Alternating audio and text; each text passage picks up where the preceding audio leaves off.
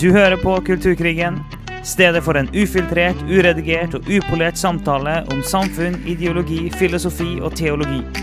En podkast av og med Steinar Lofnes og Alf Kåre Dalsbø.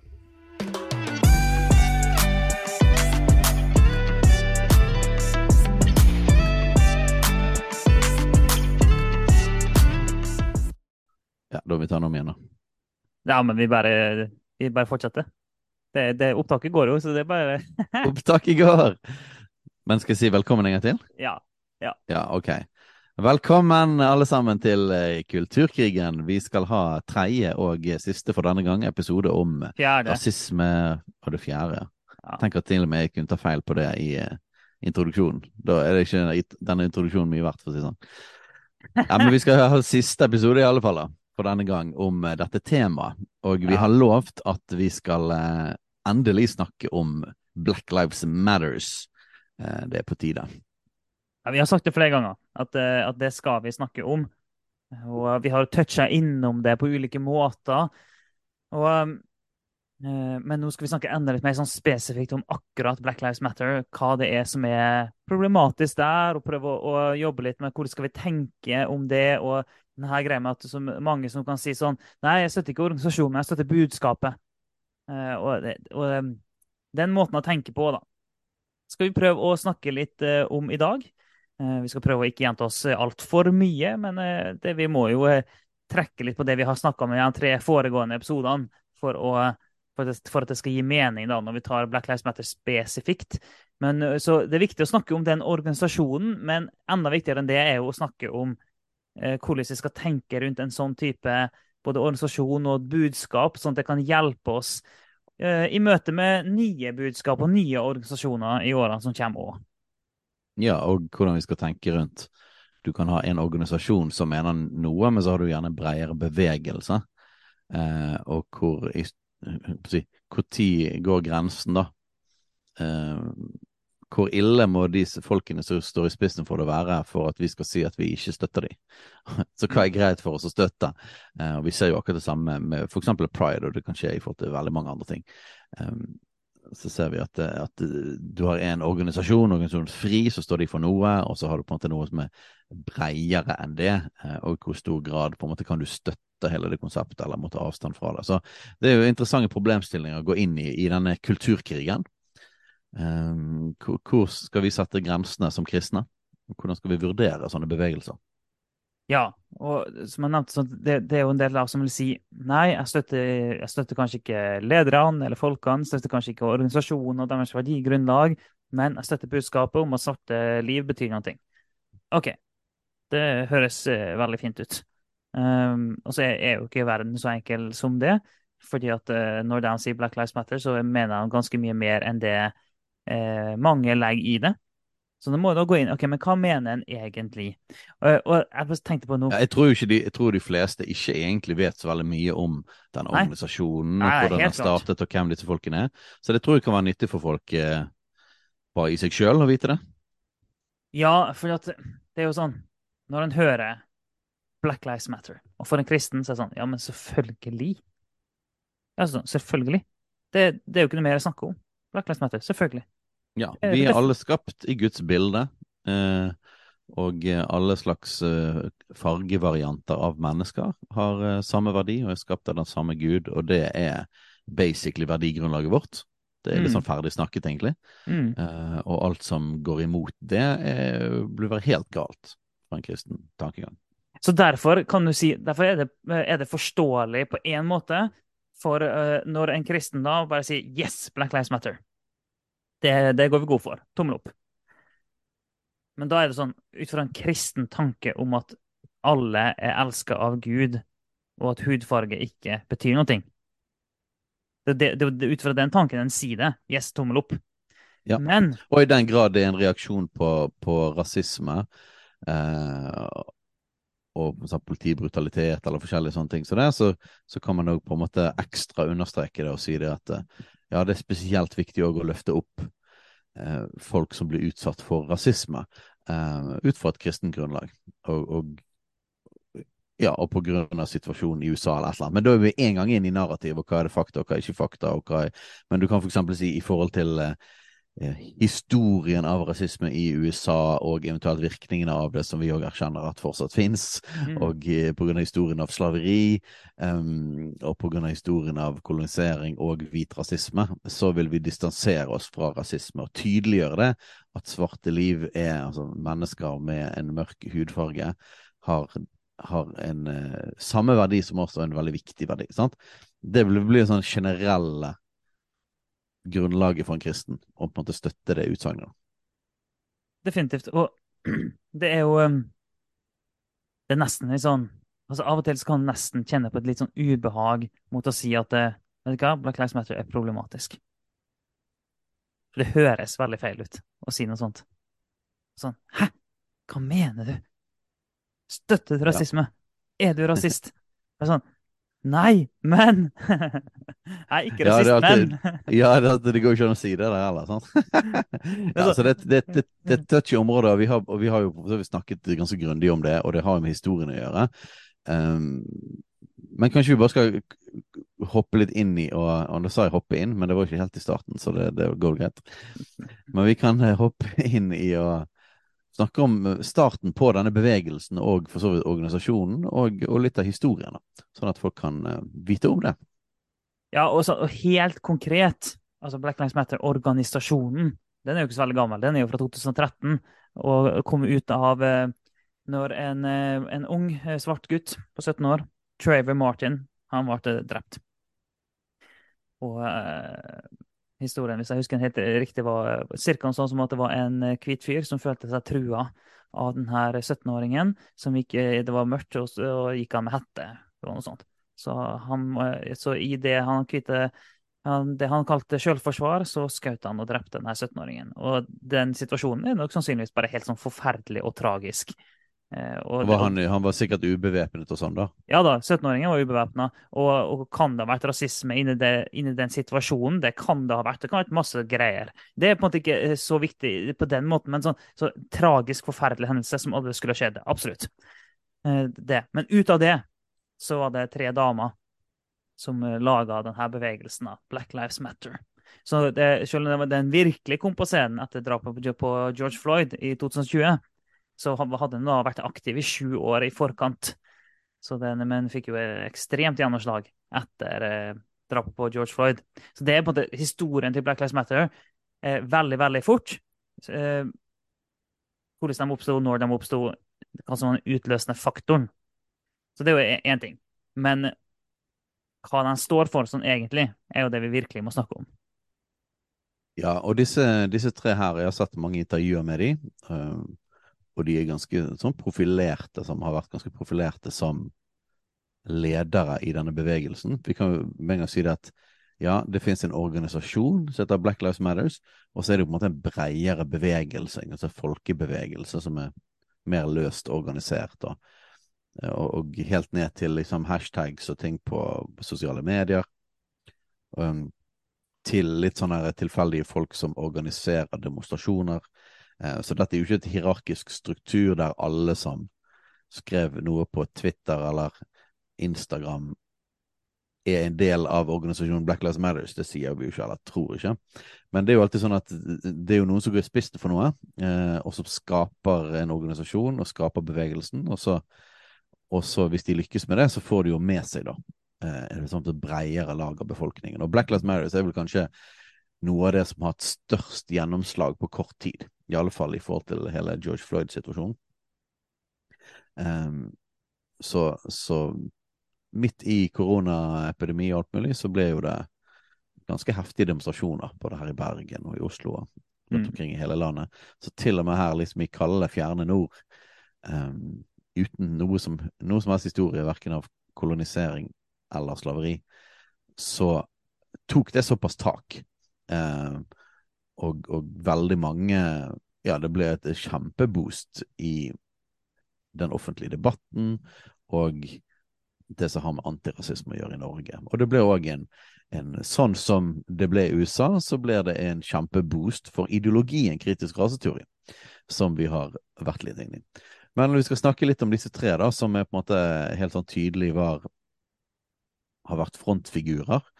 Um, så identifiserer de seg ikke bare liksom med borgerrettighetsbevegelsen, men de identifiserer seg helt sånn klart og tydelig med en viss strøm eh, av kan du si, aktivisme eh, i USA.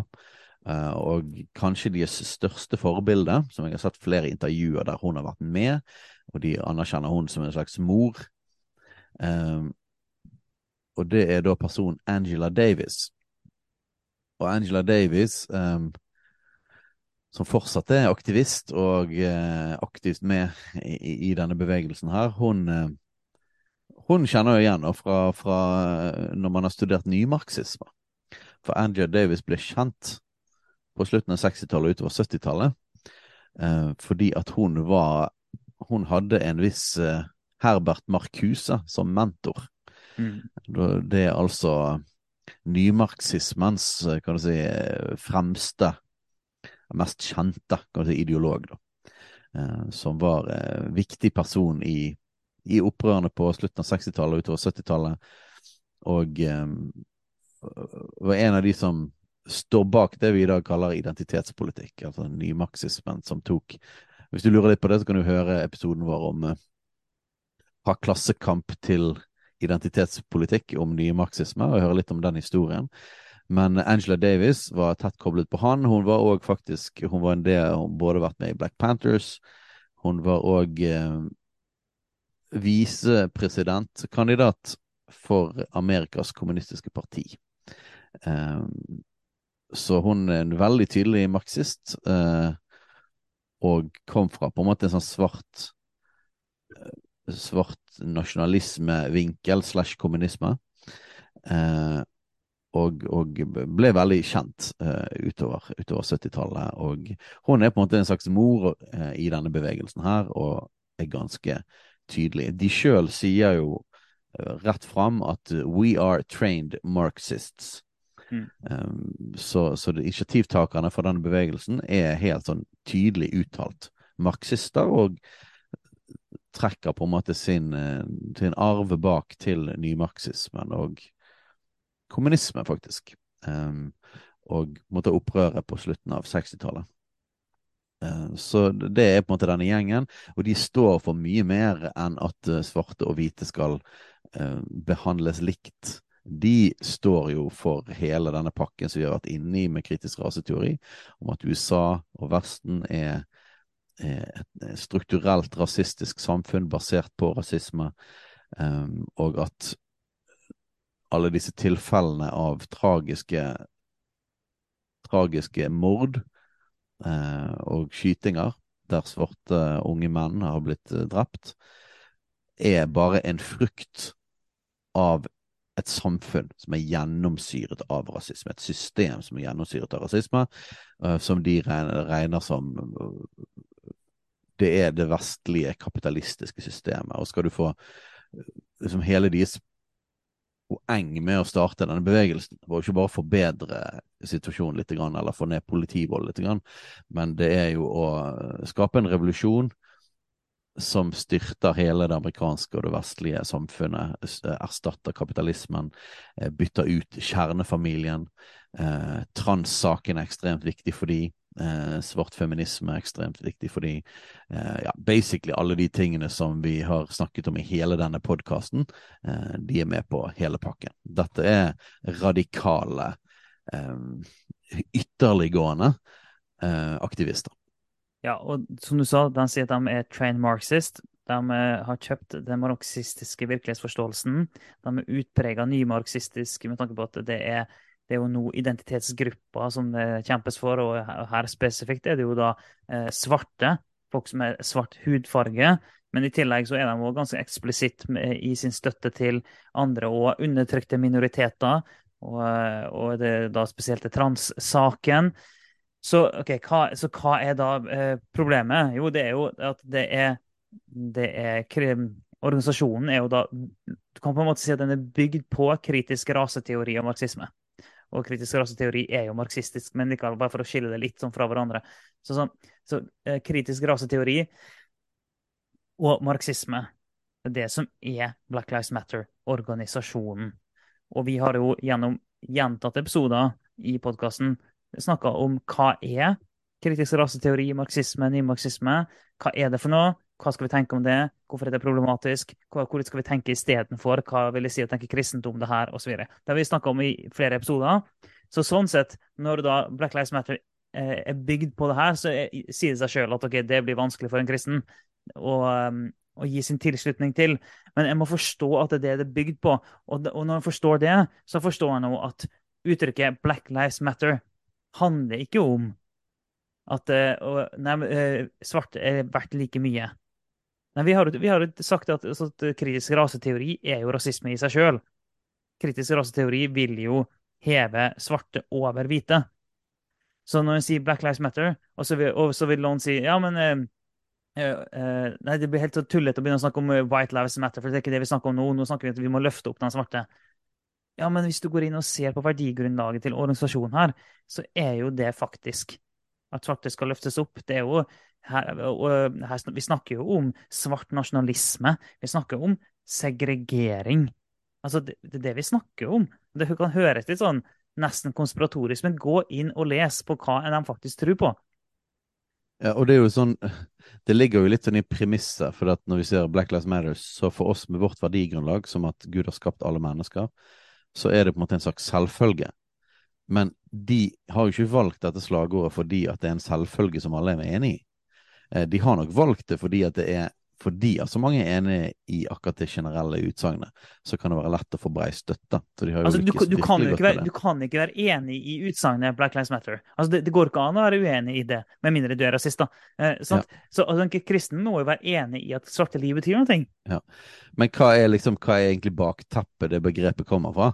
Nei, det er jo helt klart og tydelig at begrepet gir ingen mening hvis ikke man så, Og dette er satt i sammenheng med eh, hendelser der folk har blitt drept. Så det de mener, er jo at dette er en forklaringsmodell. Utsagnet er en forklaringsmodell på hvorfor noe har skjedd. Mm. Så man mener det at George Floyd, for eksempel, og alle de andre tilfellene av disse tingene, ble drept fordi at politi eller de hvite, eller samfunnet vårt, mener at svarte liv faktisk ikke betyr noe. Så vi er ikke eh, verdsatt der. Og da er jo spørsmålet er vi enige i det premisset. Eh, er vi enige i at det faktisk er sant? Og de vil jo dra det så, så langt og si det at det er fordi at hele systemet vårt er basert på rasisme eh, og, og, på slaveri. Og det ligger i hele hvitheten. Det ligger i hele det kapitalistiske vestlige systemet. Så, så for de er det utsagnet faktisk en kritikk av hele systemet. Mm. Eh, men fordi det er så generelt, så så vet nok de, og det vet nok de, at det er, det et strategisk grep, at man kan få brei støtte fra folk som altså, ikke har peiling på hva de står for, og ikke ville støtte det i det hele tatt. Altså, Å komme opp med et slagord som, som det er umulig å være uenig i, er jo helt konge, det. Ja, det er ingen tvil om at de, de burde definitivt hatt en, en, en premie for eh, den mest geniale strategien for å skape en folkebevegelse, mm. selv om du er en ekstremist. Mm. Eh, det er ganske smart. Og det finnes jo masse forskjellige grunner, historiske grunner som har vært borti til å gjøre at denne saken At du, du, du kan få såpass brei støtte på det. Um, men uh, jeg bare lyst til å bare ta én ting til i forhold til de, for vi gidder ikke gå tilbake igjen eller for dypt inn i organisasjonen senere. Vi har lyst til å gå inn i andre problemstillinger. Men jeg vil bare nevne det at det har jo vært en del uh, søkelys på organisasjonen etter hvert, og den har jo mistet mer og mer altså, støtte. Så det hadde jo på en måte vært mer spennende å snakke om dette her i 2020. Um, tre år etter så er, så er på en måte en del av den luften gått ut av ballongen jeg tror nok at det raskt kan komme tilbake igjen. Det tror jeg. Men nå er vi litt, sånn, litt mellom høydepunktene. Så når det skjer igjen, så får vi heller nevne det i podkasten, og så får vi henvise tilbake igjen til disse episodene når det plutselig er knallaktuelt igjen. Men jeg kan iallfall bare si det at det har vært en del søkelys på organisasjonen og disse folkene i spissen for den, og det har blitt en del avsløringer, blant annet fordi at de fikk noe enormt med penger når dette, her, når dette tok av. Så det, det som de kaller white guilt money, er altså at uh, det hvite riket over hele verden som hadde kjempedårlig samvittighet for undertrykkelse uh, og historien, har pøst inn med penger. Så vi snakker et enormt antall milliarder kroner. Eh, så jeg har ikke akkurat eh, nummeret i hodet, men det er heftige penger. Så har det jo blitt sett på, da, hvor har disse pengene havnet, egentlig? Og det kan man følge, fordi at skattevesenet i USA selv om de ikke må skatte av de pengene for dette er en frivillig organisasjon, så må de så må de eh, registrere alt pengene blir brukt på. Eh, så det finnes offentlige papirer på hvordan man har brukt pengene. Eh, noe er jo selvfølgelig har vært en del skandaler på, på at eh, noe er jo at de har flyttet inn i hvite, rike nabolag eh, i gigantiske luksusvillaer sjøl, og ansatt hele familien sin og har brukt masse penger på den måten. Ja da, det er nå greit nok. Jeg skal ikke gå for dypt inn i hykleriet i den greien, men men uh, det som jeg faktisk syns er mye mer problematisk, at det viser seg at hvis jeg har faktaene mine rett her eh, Dette kan jo sjekkes, uh, men jeg har forstått det sånn at, at mesteparten av pengene som gikk til Black Lives Matter, har gått til transbevegelsen, og helt spesifikt noen store organisasjoner i Canada som jobber for, for, for transrettigheter og sånne ting. Så det, så, så det er jo sånn greit for å vite da, for alle dere som donerte til Black Lives Matter, at det gikk sannsynligvis til transsaken. Fordi at dette handler ikke egentlig bare om en eh, sak av antirasisme, eller en brei antirasisme som vi alle sammen vil støtte, og en kristen kan støtte, men dette handler basically om én av grenene i en kulturell revolusjon. Eh, det, det, er det dette er. Eh, og det henger uløselig sammen med alle de andre sakene. Eh, og det vil de sjøl si at disse tingene er en og samme sak. Det er en og mm. samme fiende. Så eh, for oss da, så er det da åpenbart at eh, det ideologiske grunnlaget til organisasjonen, tankegodset, det som gjennomsyrer måten de arbeider på og tenker på, det er superproblematisk, og, noe en kristen ikke kan eh, stille seg bak. OK. For det, det, det vil vi si er helt åpenbart når en går inn i ting. Men så ville noen da si ja, men eh, Steinar og Alf Kåre, eh, det er greit nok det. Eh, det. Det er greit nok at det er problematisk, men jeg støtter jo likevel antirasismen. Jeg støtter jo at Black Lives Matter. Så at organisasjonen driver på sånn, det er ikke så viktig for meg. Jeg støtter jo bevegelsen. Ja, og var ikke dette en viktig oppvekning? Um, og, og satt søkelys på problematiske ting i, i, i, USA, og kanskje på generell basis uh, fikk opp rasismedebatten og uh, gjorde en god pushback i forhold til hverdagsrasisme, som ble ofte det som ble snakket mye om i Norge, da, den norske debatten. Var ikke det positivt, da? Ok, la oss, uh, la oss snakke litt om det, da. og da må vi jo være mer nyanserte. Ja, og sånn, er det positivt å eh, å snakke om rasisme, ja, det er det. Vi må ha en bevissthet om det. Vi må kunne snakke om det. Er det positivt å kunne eh, snakke om hverdagsrasisme og jobbe for at det skal være minst mulig av det? Ja, det, det vil vi si. Det vil vi si. Men eh, igjen, da, alt handler om tankegodset bak, og uh, hva det en drar med seg, og hvor hen det fører hen. Og, og, og brillene en har på. For hvis en tar den samtalen med, med at, raseteori eh, på brillene sine, og hvis tenker strukturell rasisme, hverdagsrasisme på den måten, så blir det jo mer problematisk igjen. Så bare sånn, ja, men Hva er det vi faktisk mener når vi snakker om det her? Det er det vi må ha klart for oss hele tida. Så noen sier ja, men, eh, ja, men, eh, noen hører på og sier, ja, men jeg støtter jo, jeg er jo antirasist.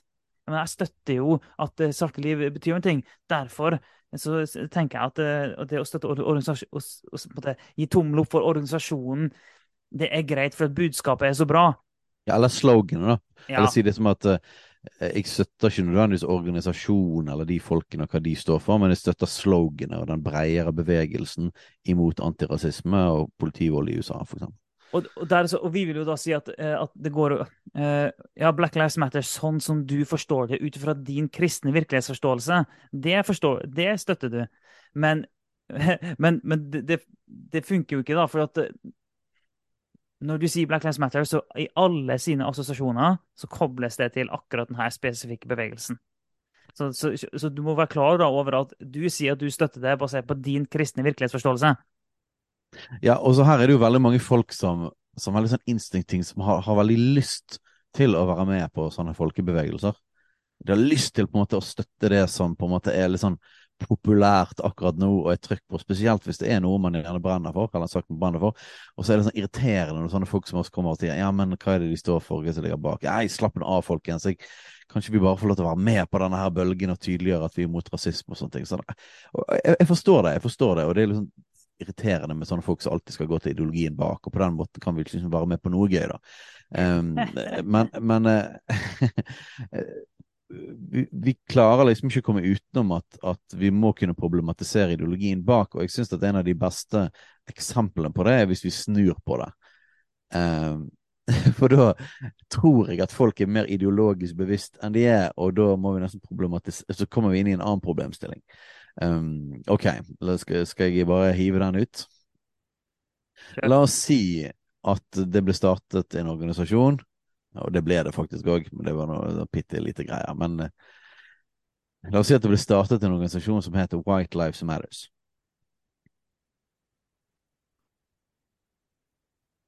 Og så ble det en hashtag, og så ble det demonstrasjoner i forhold til eh, Og kom med eksempler da på at hvite som ble behandlet, behandlet dårlig. Um, og tragiske hendelser som har skjedd, f.eks. politiskyting i forhold til hvite. Det finnes masse sånne historier uten at noen av de er blitt kjent. Um, hva ville vi tenke om et White Lives Matters-hashtag? Det er det første som jeg tror som kommer opp i min tanke, og jeg tror de fleste tanker, er at jeg tror, jeg tipper at dette her er noen eh, noen eh, smånazistiske eller høyreekstreme, en eller annen variant av et eller annet langt ute på den siden som jeg ikke har lyst til å assosieres med i det hele tatt. Mm. Så selv om jeg støtter utsagnet White Lives Matters, for det, det, må vi jo som en kristen så må du jo støtte det på akkurat 100 det samme måte som Black Lives Matters. Mm. Fordi at de er basert på akkurat det samme for en kristen. At Gud har skapt alle mennesker i sitt bilde. Det, det betyr at hudfarge er irrelevant. Det betyr at det er helt lik verdi. Det betyr at uansett hudfarge, så er det lik verdi. Så White Lives Matters på akkurat samme måte som Black Lives Matters. Eh, men la oss si at det faktisk var høyreekstreme som sto bak det, da. Eller noen eh, nazister. Kunne vi identifisert oss med en bevegelse gått i demonstrasjonstog med den, det sloganet kunne vi puttet det på sosiale medier, selv om vi tror på den generelle frasen av at hvite liv betyr noe. Mm. Og til og med vi vil være imot undertrykkelse av hvite. Mm. For det er vi vel, ikke vi det? Mm. Vi er jo, mm. vi er jo mot undertrykkelse av alle mennesker, det inklusiv, inklusiv hvite. Og det fins jo hvite òg som blir undertrykket, ikke det? Hvite som det mm. skjer fæle ting med. Ok, så da kunne vi sagt White Lives Matters, da. Hvorfor er det sånn at vi ikke kan eh, assosiere oss med noe, en organisasjon eller en bevegelse, som hadde nazister i seg? Og dette har vi jo sett i, helt konkret i nordisk politikk. Um, at når um, når f.eks. Sverigedemokraterna har fått masse støtte, så har det vært kjempemye fokus på folk tidligere i partiet som har vært nazister. Eh, og så har jo de gjort utrenskninger og jobbet eh, ganske aktivt med å få ut alle mulige sånne tendenser i partiet. Eh, men det er, på det er nesten sånn umulig å vaske seg, vaske dette her vekk. da. De vil for alltid bli assosiert med nazister. Og da blir det sånn at hvis Sverigedemokraterna sier noe sånn generelt om innvandring som mange kan være enig i, så vil man likevel ikke kunne støtte de for veldig mange, fordi at det finnes en assosiasjon med nazister. Mm. Og da kommer hele problemstillingen. Hva i svarte, holdt jeg på å si, er forskjellen? Hvorfor er det problematisk at noen er assosiert med nazister, som jeg er enig i? Men det er ikke problematisk at noe er assosiert med marxister. Ja, og ikke, og ikke bare marxister, da. Eh, men det er jo marxister med raseteori. Yep. Det, det, vi må huske, det er ikke bare marxister, det er marxister med raseteori. Og, og hvem andre er det som har drevet med raseteorier? Jo, nazistene drev på med raseteorier. Og, det er, og eh, jeg tror det at en del som hører på, vil instinktivt vet, kjenne på at å nei, det, og jeg, jeg hadde kunne ikke gått i demonstrasjonstog for Black Lives Matter, nei, White Lives Matter. Så, altså, som du sier, en tenker da at nei, det er nok sannsynligvis noen høyreradikale som jeg ikke vil assosieres med. Ja, jeg kan si det med en gang. Jeg hadde aldri gått til det demonstrasjonstoget. Nei, nei, det, nei, nei, det hadde, det hadde ikke jeg heller. Men ok, men da, da, da tar han jo den tanken. da. Jeg vil ikke assosieres med dem pga. det ideologiske standpunktet. Men den, den tar han da ikke på Black Lives Matter, tydeligvis. Um, og, du, kan, du, kan, jo si det samme. Ja, men, men jeg, jeg, jeg, er enig i utsagnet, og jeg er enig i at det er negativt at hvite blir diskriminert eller undertrykket. Eh, men jeg er ikke enig i det de står for, og dette er bare en bredere bevegelse. Jeg står ikke for den organisasjonen, jeg bare står for dette sloganet. Jeg står for den liksom, litt sånn breie, generelle greien om at vi, vi ønsker ikke at hvite skal bli undertrykt. Ja. Så, og så man prøve å se for seg, da. Ok, eh, jeg tror, fleste, jeg tror mange ville, ikke, ikke, ville da gått i eh, det demonstrasjonstoget til uh, White Lives Matter pga. at en tenker på den måten. Uh, altså det, det, er jo greit nok. Men hvis da White Lives Matter faktisk vil si at uh, nei, å drive med raseteori uh, Si at det er faktisk litt uh, nynazistisk, da. og vi mener at den hvite rasen skal være over den svarte så ville vi i alle fall ikke blitt assosiert med dem. Hvis vi var klar over det, da ville vi tatt avstand fra dem. Men OK, så har du da Black Lives Matter, som faktisk driver med raseteori. Men dem vil vi ikke ta avstand fra. Men så hva er greia, da? En bit av det vil jeg påstå er at den faktisk har kjøpt narrativet eh, med, med white guilt. At han har kjøpt det narrativet med at ja, hvite er over, svarte er under. Og fordi at svarte er undertrykt, så dermed er det andre spilleregler der pga. det. Så det er jo på en måte har kjøpt et større narrativ som gjør at han, gjør at en tenker annerledes rundt White Lives Matter og Black Lives Matter. Og så vil noen si da, jo, men det har med historien å gjøre, det har med historisk undertrykkelse å gjøre. Og det argumentet er ikke helt uten legitimitet. Det er det ikke. Sånn som vi, mm. i tidligere episoder der vi har anerkjent at det har konsekvenser, det svarte har vært gjennom. Slaveriet har konsekvenser til og med fram til i dag. Det, så det er ikke helt uten legitimitet, det argumentet. Men det, har, det er noen historiske komponenter her som gjør at ja. det blir annerledes. Ja, jeg er enig i deler av det, men selv om jeg er mm. enig i deler av det, så vil jeg jo likevel si da at eh, en vil likevel ende opp med Hva skal jeg si? En må likevel ende opp med å behandle det likt. For at det, det, altså en, eh, ideologien er det ideologien er. Ja, og da, og da må vi på en måte OK, vi er da enige om at ja, OK, ideologisk sett så må vi tro på et likeverd. Jeg tenker de fleste ville, ville, ville tenke det. Um, men på grunn av historien, det er begrunnelsen min. På grunn av historien så kan vi legge ekstra trykk på Black Lives Matters. OK, interessant. Um, jeg tenker det er legitimt å ha ekstra fokus på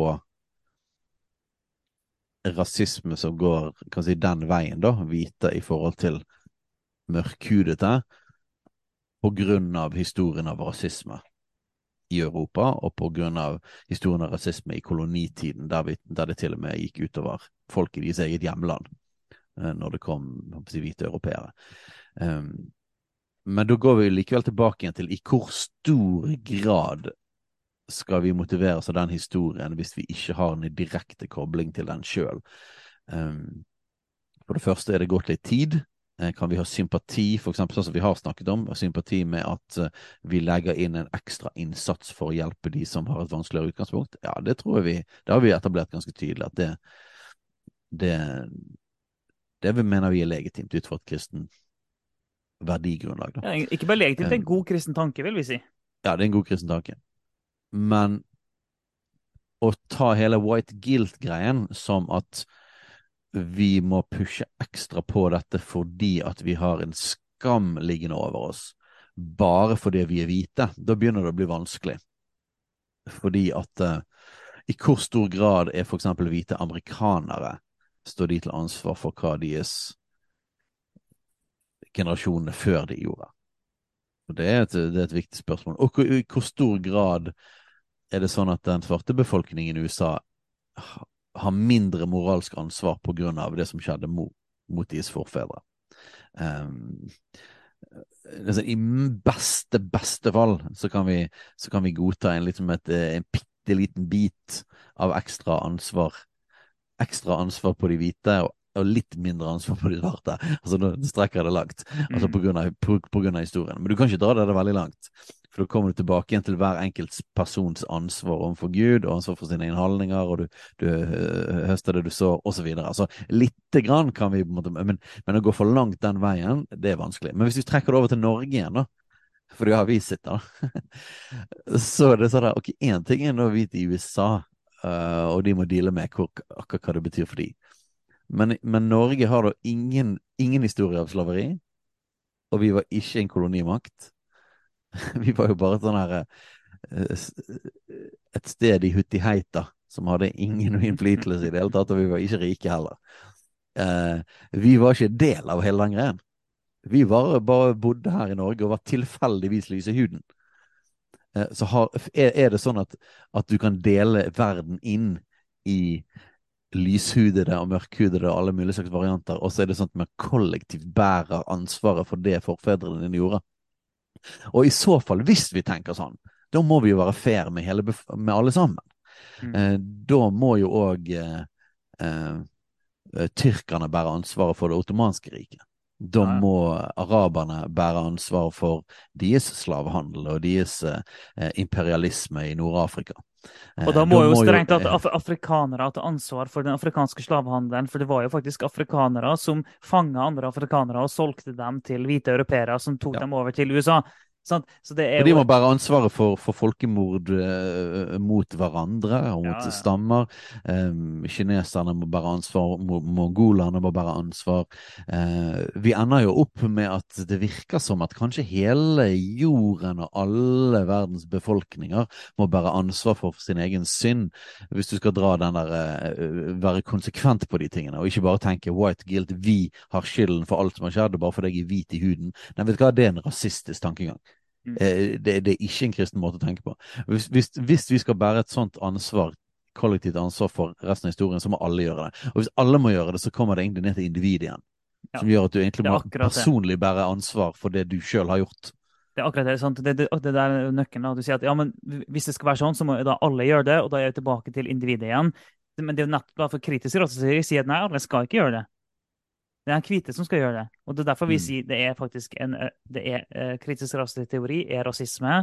Og Black Lives Matter er bygd på kritisk raseteori, så Black Lives Matter er faktisk rasistisk. Og Det kan høres helt, helt sinnssykt ut å si det, men det er det vi mener. Ja, fordi at man, man har som en forutsetning at vi bærer en annen skyld. Ja. Man har som en forutsetning at det finnes mer rasisme, og vi har en annen rasisme, en verre rasisme, i Vesten enn vi har andre land. Og så er jo faktisk historien at vi har mindre. Faktisk er historien at på tross av de mørke tingene som har skjedd, så har vi hatt et større oppgjør med rasismen i Vesten enn i noe annet samfunn i hele historien.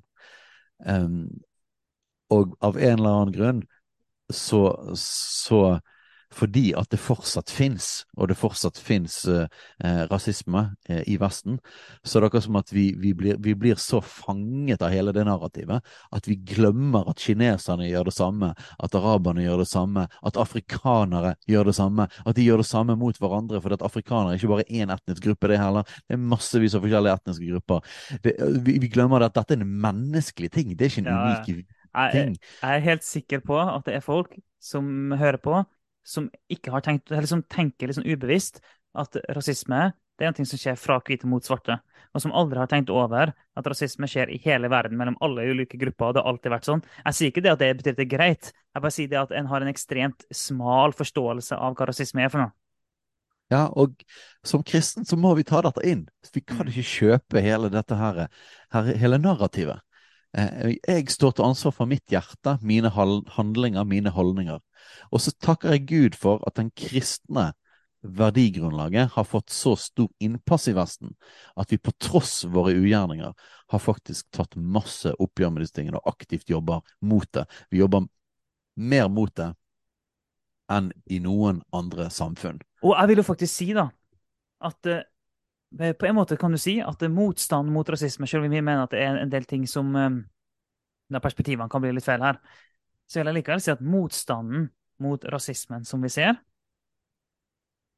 er jo, det er jo kristent. Og, hadde, og, hvorfor er det da mer fokus på rasisme i den vestlige verden? Jeg vil faktisk si at ja, det er på den kristne kulturarven.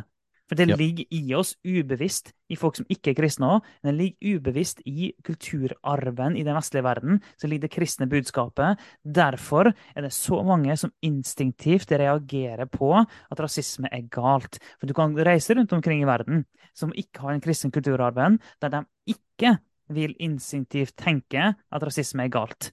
Men, for, men vi tenker at rasisme er galt fordi vi lever i en kristen kulturarv. Og takk Gud for det! Og det er helt riktig. Og derfor skal vi fortsette å være imot rasisme, forskjellsbehandling av mennesker, basert på kristne verdier. Men vi kan ikke kjøpe til og med hele dette narrativet, hele denne historien, som fører til at vi skal sitte med en spesiell skyld. Nei, vet du hva? Det nekter jeg å gjøre. Jeg står til ansvar for det jeg har gjort. Og det vil jeg virkelig overfor Gud, så vil jeg stå til ansvar for om jeg behandler eller diskriminerer mennesker. Og jeg syns det er veldig bra at vi er så bevisste. Når, når, eh, jeg tror de aller fleste nordmenn, jeg håper i alle fall det. Eh, når de møter noen med en annen hudfarge, så tror jeg at vi instinktivt vet at det riktige er å behandle de godt. Det er riktig at vi ønsker at de skal ha det godt her i Norge. Vi ønsker at de skal opp oppleve seg ikke forskjellsbehandlet. Åh, jeg må bare si, jeg tenkte på dette i går, eh, for eh, jeg synes det er veldig kjekt. Det, det er kommet eh, flere med afrikansk eh, opprinnelse og latinamerikansk opprinnelse til menigheten vår eh, siste halvåret. Det synes jeg er veldig kjekt. Og eh, snakket med en, eh, en som en helt ny, som jeg ikke har pratet med i, i, i går, fra Mellom-Amerika. Og så, så, snakket jeg med han, og så tenkte jeg på episodene våre i forhold til eller når vi har snakket om dette her med eh, mikroaggresjon. Mm. Eh, og, og, og spørre folk hvor de er fra, og sånne ting som er blitt liksom en del av hverdagsrasismen i Norge. Eh, og så tenker jeg det, og så tenker jeg ja, ja, nå skal jeg jo ikke da Nå skal jeg liksom ikke Jeg skal late som at jeg ikke vet at du er en innvandrer til Norge. Det liksom er det riktige liksom å gjøre, da. Men dette blir helt så dustete. Så jeg bare sånn der. Og som vanligvis bare sånn Ja, men hvor er du fra? Hvor lenge har du vært i Norge? Med positiv, interessert stemme. Bevisst, ja, men for jeg òg mener det. Jeg mener det er helt oppriktig. Og hvordan reagerer han? Fornærmet? Nei. Selvfølgelig at det er en helt automatisk, selvfølgelig del av hvordan vi kommuniserer og får kontakt med mennesker. Nei, Han reagerer jo med begeistring med å fortelle om hvor han er fra, hans bakgrunn, og hvor han har flyttet hit og dit, og jeg spør om familien og spør om bakgrunnen hans. Jeg synes jo det er kjempespennende. Mm. Kjempeinteressant. Jeg har lyst til å lære mer om Mellom-Amerika. Hvor mange eh, Hva er forskjellen på, på Fordi vi har flere, sant? Så det er en fra Bolivia, så er det en fra Chile. Eh, hva er forskjellen på spansken dere snakker, og bla, bla, bla. bla. Eh, og så tenker jeg sånn her Ja. Jo, men jeg hadde en lignende opplevelse her for en ukes tid siden, der eneste sønnen min var i en bursdag. Og så er en av foreldrene jeg ikke har sett der. Eh, så går jeg bort og hilser på han, da. Eh, og så, eh, så sier han navnet sitt, og så var det et navn som jeg ikke har hørt før. Det var asiatisk, det skjønte jeg. Men eh, jeg forsto ikke hvor hen jeg sa er navnet her fra. Det forsto jeg ikke. Det var, sånn, det var navn jeg ikke hadde hørt før. Og så, så da må jeg bare spørre, da. Sånn, du, ja, hvor er det? For det har ikke jeg hørt før. Og, og, og blir de fornærma av det? Nei, ikke i det hele tatt. Nei da, da begynner de å legge ut Nei, det er fra Thailand. Og så begynner de å fortelle. Da. Nei, det, det, bla, bla, så, og så får vi, får vi en prat om Thailand, og så prøver jeg å finne ut ja, hvor lenge har liksom vært i Norge. da? Og, nei, det er kjempefint. Og så viser det seg at de har gitt sønnen sin et norsk navn. Ja, det var interessant. Nei, det, det, det var fordi at nei, det var enklere, for nå bor, nå bor de i Norge. Og da, da er det bedre sånn. Helt sånn, helt lave skuldre rundt den samtalen. Og nok en gang, vi har snakket om det med colorblindness, eller liksom hele, eller verdien av at vi har lik verdi. Vi synes det er kjempepositivt. Det er med å, å ta vekk rasisme. Og så må vi huske En ting til jeg har lyst til å si. Jeg har litt sånn ranting, for dette er litt provoserende, dette temaet her. En, en annen ting som folk glemmer i hele rasismegreien For at man sier ja, men det finnes fortsatt rasisme i Norge. Ja, det gjør det. Ja, det finnes fortsatt rasisme. Det finnes hverdagsrasisme. Ja, det gjør det.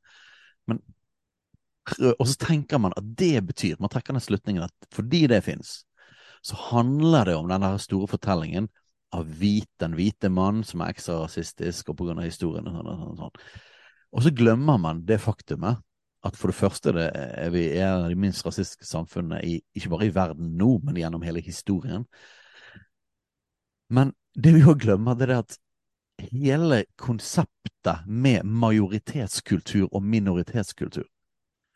Man, man, man, skjønner ikke det at i alle kulturer, på alle slags områder og spørsmål, så er det sånn at hvis du har et flertall av noen, enten det er en religion, det er en hudfarge, det er en kultur, det er et språk, eller det er eh, folk som heier på ett fotballag, eller det er Altså, det kan være hva som helst. Hvis du majoritetskulturen står for noe, så vil det alltid være utfordrende å være minoritet. Det vil alltid være, uansett hva som er saken. Og da vil du ha det, det vil være utfordrende, fordi at du vil være annerledes, og du vil sikkert oppleve fordommer, og du vil oppleve Men dette skjer i absolutt alle kulturer, alle situasjoner, og det er ikke bare basert egentlig på hudfarge og etnisitet engang. Men å forstå på en måte det at, at det vi møter på, er naturlige mekanismer av majoritetskultur og minoritetskultur vel så mye som rasistisk historie. Ja. Og at det ikke handler om på det hvit i forhold til farget. Men det vil være akkurat det samme om vi som en hvit havner i, flytter til Etiopia, så vil du være en del av mitt minoritet. Både hvordan du tenker, hvordan du snakker, i forhold til språk, i forhold til hudfarge. Og det vil være annerledes. Det vil være litt vanskeligere, litt annerledes for deg å navigere i den kulturen. Og det må man bare deale med. Mm. Og, eh, og, og, på en god måte, så sånn at vi får til god integrering og vi har et godt system for det, så er jeg for at vi har et multikulturelt samfunn og at vi har innvandring. Man må finne ut av grensene på det, og hvor mange og hvordan og hvordan man skal gjøre det. Ehm, det er en debatt som ikke vi går veldig langt inn i. Men på generelt grunnlag så er jeg ikke imot innvandring. Men men det er klart det at det ligger i sakens natur at hvis du flytter til Norge, du flytter fra et annet land, så vil du havne i en situasjon av at du er minoritet. Og i den situasjonen så vil du òg oppleve fordommer, og det vil være hakket vanskeligere for deg. Ja, det vil det. Eh, og betyr det at vi ikke skal jobbe mot det? Nei, vi skal jobbe mot det. Jeg er kjempe for at vi skal jobbe mot det. Men å late som at dette er et større problem, og en mer sånn at det handler om egentlig den hvite manns rasisme, mer at det handler om helt normale mekanismer som har vært gjennom hele historien i alle samfunn. Det er den biten vi ikke kan gå med på. Og den white guilten som ligger under der, som gjør at vi slenger opp Black Lives Matters-greiene, det er det som er liksom motivasjonen vår og drivkraften vår. Og tenke tenker at her er det et spesiell rasistisk situasjon fordi at vi er hvite pga. historien. Det syns jeg ikke er en ok ting. Det er en ting som jeg ikke kan være med på. Nei, kan ikke det. Og jeg tenker på det eksempelet jeg brukte i stad, med de foreldrene som eh, opprinnelig var fra Thailand og hadde gitt sønnen et norsk navn. Da vil nok kanskje noen tenke det er pga. strukturell rasisme. Derfor måtte de gi sønnen et norsk navn. Det, det, det, men der vil jeg helt si, si, nei, absolutt ikke. Det som du beskriver, det handler om majoritetskultur. Det handler bare om at men nå bor de i et annet land. Og da tilpasser vi oss. Det å tilpasse seg betyr ikke at det er rasistisk. Nei, vi tilpasser oss, vi gjør tilpasninger. Ting blir enklere. Det er, bare, det er best på den måten. Og hvis vi flytter til et annet land, så kan ikke vi forvente at alt skal tilpasses oss. Nei, da tilpasser vi oss det som er, til en viss grad selvfølgelig innenfor rimelighetens grenser, så tilpasser vi oss det, det, som er, det, som er, kulturen i det landet. Det er helt menneskelig, det er helt vanlig, det har alltid vært sånn, det er ingenting galt med det. Men tenkte jeg på, når vi snakker om det her, og vi snakker om eh, fargeblindhet, har vi nevnt flere ganger. Og vi har, vi har sagt veldig tydelig det at fargeblindhet er den kristne måten å se mennesker på. Altså at, eh, at hva hudfarge mennesket har, det er helt irrelevant for eh, hvordan vi skal tenke om det mennesket. Eh, og verdien til mennesket osv. Det mener vi at det er en dypt kristen tanke. Og Det er jo derfor også da, vi sier at uh, måten uh, Martin Luther King uh, kjempa for svartes rettigheter på, det er en måte vi kan stille oss bak. Det var jo um, det var uten vold, og det var med et fokus på ikke at det er, det er white guilt, eller ikke noe Og han drev ikke på med raseteorier. Nei, han sa jo det at hans drøm var at hans barn skulle vokse opp og ikke ikke bli bedømt ut fra deres hudfarge, men altså the content of their character, altså at de skulle bli bedømt ut fra den de er som menneske. Det var hans visjon. At en skal vokse opp og bli bedømt for den en er som menneske, for sin karakter og integritet og for de handlingene individet gjør. Det var hans visjon. Eh, ikke hudfarge, ikke undertrykte grupper osv. Det er en, en ting som vi kristne absolutt kan stille oss bak. Det kan vi støtte helhjerta. Ja. Så det har noe å si hva de folkene som startet en bevegelse, står for. Det betyr ikke automatisk at du sier at du, du har et Black Lives Matter-skilt. At det betyr at du står for alle de tingene automatisk. De aller fleste er ikke så bevisst. Mm. Det er greit, jeg forstår det. Men det er naivt likevel å lage den mest Å finne en bevegelse, og så på en måte bare tolke det til det mest generelle grunnlaget, sånn at du kan støtte den og være med på den. Eh, en av de tingene som skjedde, var at på grunn av hele den greien, på grunn av på en, måte, en slags liberal slash kristen reaksjon på, på Black Lives Matters-bevegelsen og sloganet, så var det en del folk som frontet All Lives Matter. Eh, og det er jo basert nettopp på denne her likeverdforståelsen. Eh, men det ble oppfattet utrolig provoserende. Om kanskje ikke i Norge, man slapp vel unna med det i, Norge, regner jeg med, men i USA så vil det oppleves utrolig provoserende, fordi at man sier at du tar vekk det du gjør da. Det er det at du bare stiller deg bak en generell likeverdssyn. Men det du ikke gjør, er at du tror på vårt narrativ om at det finnes systematisk undertrykkelse, eller at vi har et ekstra problem med rasisme i vår kultur. Eh, og nok en gang, vi kan stille oss bak at den svarte befolkningen i USA eh, kommer utrolig dårlig ut på, på masse sosiale statistikker, og at det helt sikkert en stor del av grunnen til det er historien av slaveri, og at det er et kjempeproblem som vi må hjelpe. Og vi tror til og med på ekstrahjelp for å hjelpe folk ut av det. Men vi må òg snakke om da hva er grunnene, og hva er faktisk løsningene på det. Hva er medisinen for det? Eh, og hvis vi da ikke snakker om, om ting som går på generell fattigdom, hjelpe folk inn i arbeid, det som har med familien, kjernefamilien å gjøre, farløshet, eh, narkotika, alle de tingene der, men bare går på det enkle løsningen av nei, det er bare strukturell rasisme. Så hvis vi bare eh, kjører ekstra hardt imot rasisme, eller for eksempel defund the police, eh, at politiet får mindre midler å rutte med, så vil dette problemet forsvinne. Så er, er, det, er, det, er det ikke bare naivt, det det kan være direkte skadelig for den saken som du ønsker å kjempe for. Mm. Mm. Ja, det kan det. Så det her har vært liksom hovedsakelig Black Lives Matter-organisasjonen og hvorfor den er problematisk. Men vi må som kristne lære oss å tenke. Det er, pappaen pleide å si det når jeg vokste opp. Du har fått en hjerne for å bruke den. Det er, og det er sant. Det er, vi har fått en hjerne for å bruke den. Vi må lære oss å tenke, og vi må lære oss å tenke i henhold til Eh, de rammene som Gud har gitt oss. Derfor viser vi at vi må lære oss å tenke kristent. Og da må vi da, i møte med Black Lives Matter og andre, klarer klare å, å vurdere, kjenne igjen hva er grunnlaget? Hvor kommer det her fra? Hva er det egentlig? Ok, Så må vi måle det opp mot Guds ord. Hvor det står det her seg opp mot Guds ord. Og så må vi finne ut hva gjør vi med det, da? Og Bibelen snakker om det med å prøve ånder. Det, eh, det, og poenget der handler jo Hvis du skal forenkle det litt, da, så kan du si det handler om å kjenne igjen eh, hva er ondt og hva er godt, eller hva er Gud, hva er ikke Gud. Hvis du skal forenkle ja, og det. Er, og hva er drivkraften litt sånn under, da? Ja, ja. Sånn, så, Bare på overflaten. Ja, så han snakker om det, og prøve da, og, og snakker Bibelen om eh, altså akkurat det, Der er det konteksten det med profetiske ord. Når du snakker om det med å prøve ting på Guds ord. Men likevel, det prinsippet med å prøve ting på Guds ord er, er jo helt sånn generelt for en kristen uansett. Du prøver alltid ting på Guds ord.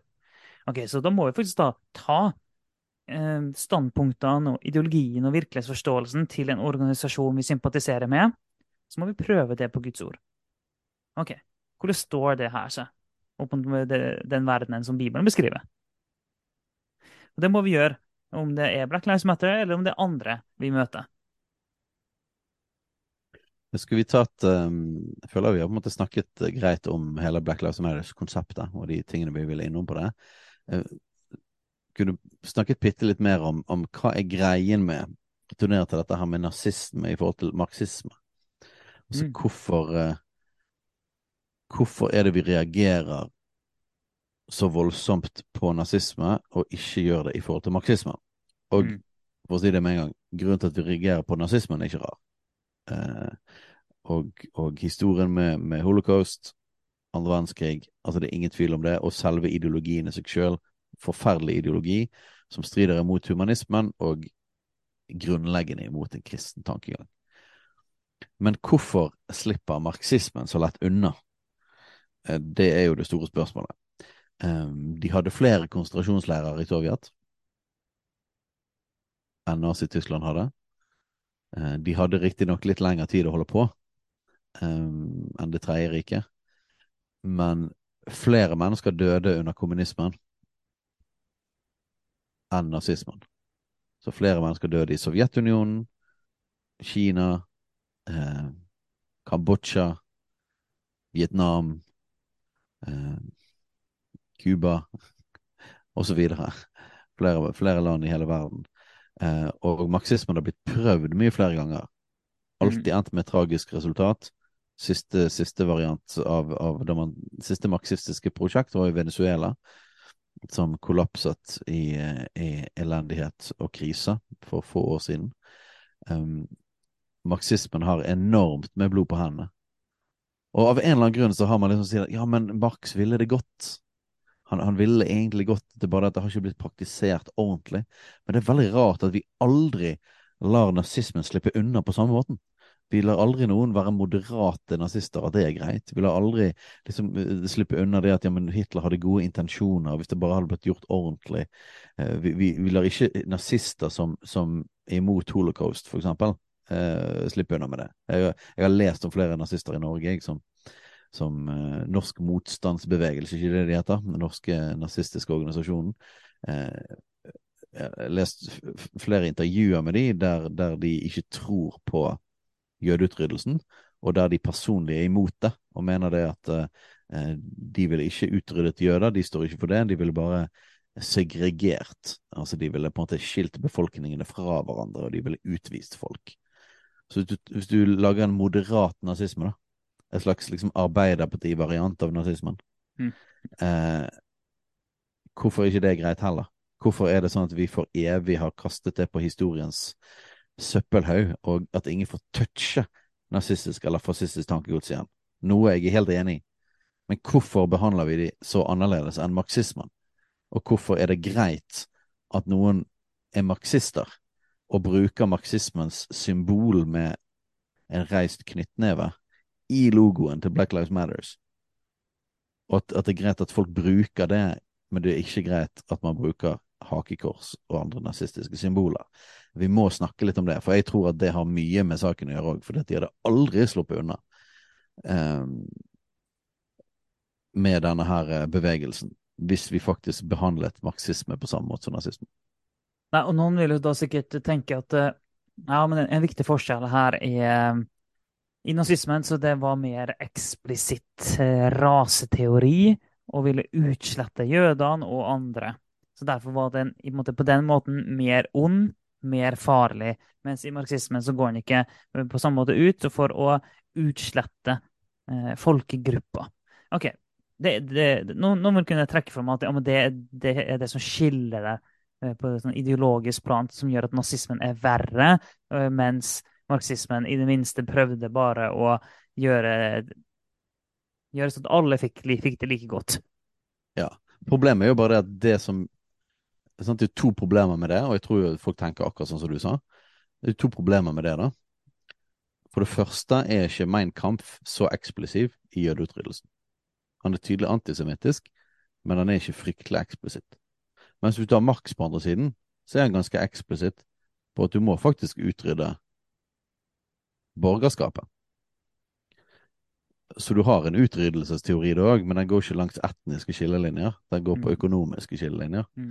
Og problemet med det er, at, er at en, en, en, jøde eller etnisitet Det fins en liksom klar begrensning på det. da. Mm. Så det er ikke sånn at du, du La oss si at du mener at du skal drepe alle svarte.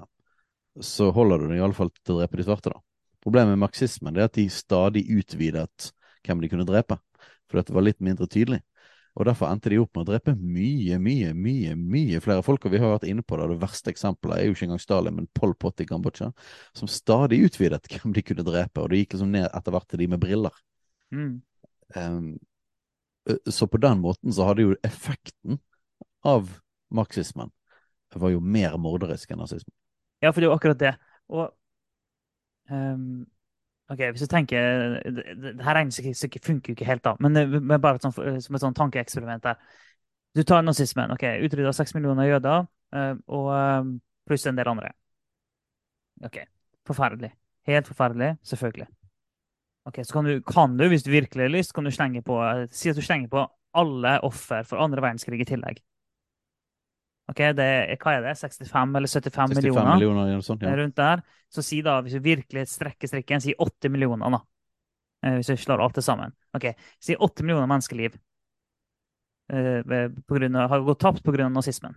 Hvis du virkelig kaster alt du kan finne inn i, inn i den den nazistiske kurven. Likevel så er det flere liv på samvittigheten til marxismen. Ok, Så du tar hele den andre verdenskrig og all utryddelse som nazismen sto for, så er eh, effekten i tapte menneskeliv er større hos marxismen. Det er flere enn 80 millioner. Bare i Kina så er det minst 45. Bare i Kina alene. Men det snakkes om at det gjerne kan være mye mer enn det. Men sånn, det er minst, minst, minst 45 millioner bare i Kina. Og så videre og så videre. Så det, det snakkes jo om at det kanskje er 100 millioner som har gått tapt pga. marxismen. Så poenget da er bare det at eh, du må eh, Et veldig et godt bibelsk prinsipp er at du skal bedømme eh, treet på fruktene sine. Og fruktene til marxismen er helt fryktelige. Helt fryktelige. Og du finner kanskje ingen ideologi i hele verdenshistorien som har hatt, den, eh, som har hatt de konsekvensene som marxismen har hatt. Det er det, er det som er fakta. Ja, og jeg sier det at ok, folk kan være uenige med oss, og jeg tar gjerne en grundig diskusjon om marxismen. Og eh, ja, eh, ja folk skal slite med å, å komme lett unna med den, hvis de virkelig vil gå inn i marxismen. Og både konsekvensene av den, og hva faktisk Marx sto for, og hva, hvordan det faktisk har påvirket tankegangen vår. Men det til side, da. I det minste så må vi være konsekvente. Så enten må man si hva ideologi de folkene som starter noe, har, har noe å si. Mm. Uh, og det gjør faktisk, det faktisk får betydning for om jeg vil identifisere med dem eller ikke.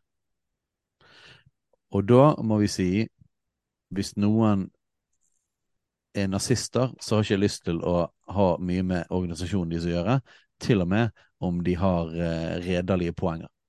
Til og med om de har en moderat variant av det. Jeg vil ikke ha noe med det å gjøre. For den ideologien er så giftig at jeg, vil ikke, jeg, vil, jeg holder meg ti mil unna den ideologien. Jeg personlig syns at det er rett respons. Og fordi at jeg vil gjøre det med nazisme, jeg vil ikke ha noe å gjøre med noe som minner om det, så responderer jeg på samme måte når, når noen sier det uh, We are trained Marxists.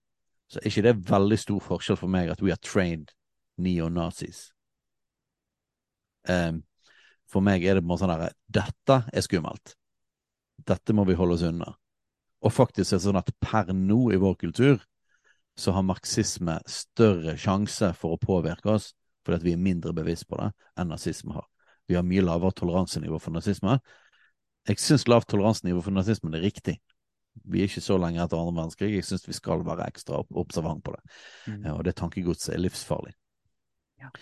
Men, jeg, men jeg reagerer kraftig på at vi lar marxismen slippe. Vi, vi, Mm. vi, vi lar det slippe unna altfor lett. Jeg Mm. mener en kristen, på samme måte som vi distanserer oss fra nazisme, så må vi distansere oss fra marxisme. Mm. Når du ser en, når du ser en hevet knyttneve-logo, eh, så bør det få en, en sånn reaksjon at oi, dette er farlige greier. Dette vil jeg holde meg milevis unna. Og jeg bryr meg ikke om om de har noen poenger, eller om de, eh, de er mer moderate varianter av dette. her. Jeg holder meg unna det tankegodset. Du, fordi du sier ikke det om nazister. Ja, men de har noen gode poenger. Nei, du gjør ikke det. det var sånn, Hold oss unna den ideologien der. Um, så enten må du behandle de likt, at du holder deg unna begge sider, eller så må du uh, må du begynne å behandle nazisme og fascisme litt mer moderat. Jeg syns egentlig det, det er en sånn god huskeregel. da. Det at Hvis du skal fortsette å holde den avstanden fra nazisme som du sannsynligvis har, så er du nødt til å bruke samme måte å tenke på mot marxisme, og det vil da føre til samme, eh, samme resultat. At du er nødt til å holde avstand til marxisme nå. Så eh, en kristen bør holde samme avstand til marxisme som til nazisme. Det vil helt sikkert være fryktelig provoserende for noen, men da må han sette seg inn både i hva nazisme er, hva marxisme er, og ikke minst hva Bibelen har å si. Man sette seg dypt inn i alt det, så vil han se at en trenger å ta ut den samme type avstand. Og, eh, og derfor så vi, har vi ingen problemer med å være tydelig mot de som har mer eh, høyresyd-sympatier, og eh, med fare for igjen å distansere noen som støtter oss i hele kulturkrigkonseptet, men, men f.eks. liker Putin, eller er mer eh, har litt varmere følelser for, for det, eller syns det er litt sånn, ja. Så vil jeg si det at holder jeg langt unna Putin og støtter Putin-regimet, bare fordi at ja, men de har mer konservativt forhold til familien. Det er helt seriøst. Slutt å tulle. Mm. det er nasjonalistisk, imperialistisk, morderisk regime. Mm. Og det har vært det hele tiden. Og frukten av det er forferdelig. Mm. Massevis av menneskeliv går tapt pga. en morderisk ideologi, faktisk. En nas nasjonalistisk, småfascistisk ideologi og måte å tenke på som står mm. bak Putin. Kristen bør holde seg milelangt unna og prøve å unnskylde Putin. Mm. Eh, eller, eh, eller, å støtte han på grunn av at man er enig i et par saker. Mm. Eh, det bør vi holde oss for god for. Eh, og hvis du er imot marxisme, hvis du er en av de folkene, men du er, sympatiserer med Putin, så mener jeg kjapp deg. Rett og slett. Vi behandler begge sider like mye. Eh, mm. vi ønsker å behandle begge sider er like tydelig. Vi vil stå på Bibelens grunnlag. Uh, og vi kan ikke, fordi at vi er mot den ene siden, så er vi mer mild mot den andre siden. Mm. Det er en uakseptabel måte å deale med disse tingene. Jeg er faktisk usikker på om vi så tydelig har satt opp nødvendigheten av å ta samme avstand til marxisme som til nazisme. Det er mulig vi har nevnt det sånn her og der, men jeg er usikker på om vi har tatt det såpass tydelig hittil i podkasten. Men det er, jo, det, det er jo akkurat det her som er en av grunnene til at vi er såpass tydelige da, på tankegods som kommer fra marxisme. For vi mener det at det er ja, vi mener jo det at det er langt, at det bryter veldig tydelig med Bibelen. Det mener vi. Men vi mener jo at det er direkte farlig. Mm. Ja. Og eh, akkurat det er faktisk kanskje en litt relevant ting, for det har vært en Nato-debatt nå, og Rødt og sånne ting, og plutselig er Rødt i litt hardt vær. Etter mm. vi har jo nevnt Rødt tidligere i forhold til eh, forhold til strømpriser og de tingene der. At liksom ikke, ikke la deg blende av den enkeltsaken, se på ideologien under. Og nettopp det har jo, har skjedd litt nå, da, på grunn av eh, det har blitt litt mer avslørt deres enorme forakt for Nato, Vesten og USA. Mm. Eh, som at de nest, altså nesten eh, eh blir mer sympatiserer mer med Putin. Og det er jo en debatt altså, det, det har vært, Vi skal ikke gå langt inn i det, men det har vært faktisk veldig interessant å høre på. Eh, jeg hørte jo eh, altså Rødt har jo Rødt og Manifest, som er en sånn tankesmie langt ute på venstresida, de har den podkasten Mimer og Marsdal, der eh, Magnus Marsdal og Mimir Kristiansson sitter og prater. Godt ute på venstresida.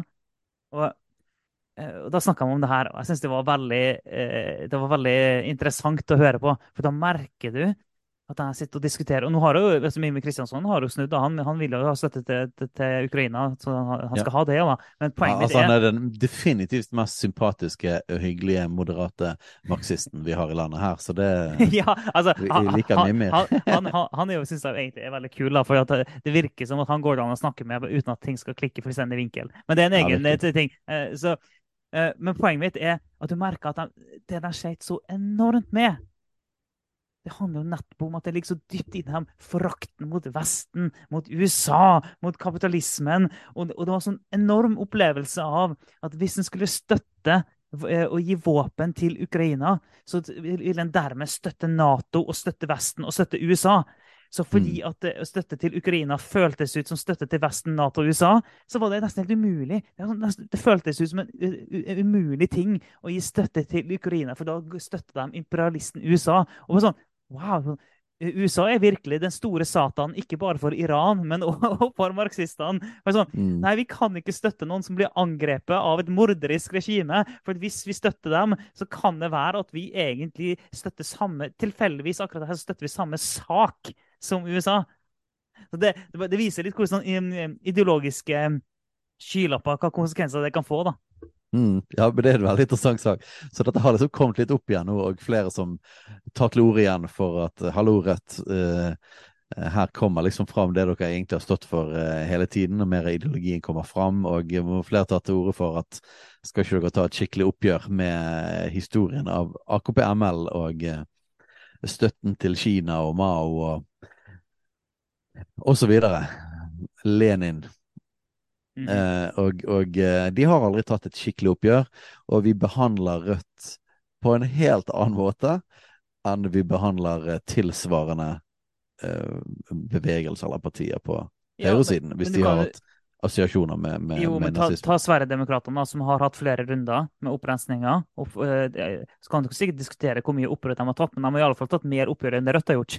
Eh, Men likevel så blir Sverigedemokraterna hele tida anklaga for å ikke ta nok oppgjør med sin fortid. Mens, og det, for all del, det er det folk som kritiserer Rødt for det samme, altså. Det, det, men likevel, de får mye mer snekk. Eh, Det får de. Ja, de gjør det. Og ja, ja, men Rødt, det er jo bare en mild variant av marxismen.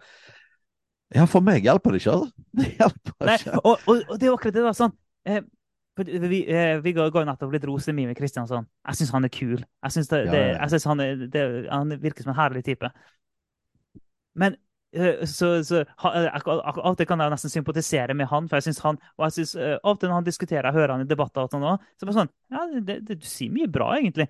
Mm. Men det er jo nettopp det som gått- hele episoden her handler om. Ja, men du må se på hva som ligger bak. Hva er det som ligger bak her? Og det som ligger bak her, er bare fullstendig uaktuelt for meg som kristen. Nei, men jeg tror kanskje det var en eh, god note å avslutte på. Jeg tror folk har skjønt poenget vårt. Det ble mer ranting faktisk og mer følelser i denne episoden enn jeg hadde trodd, men jeg syns det var fint.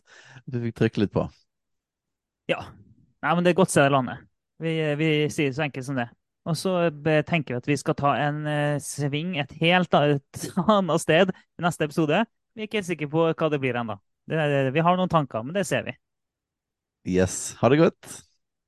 Ha det bra.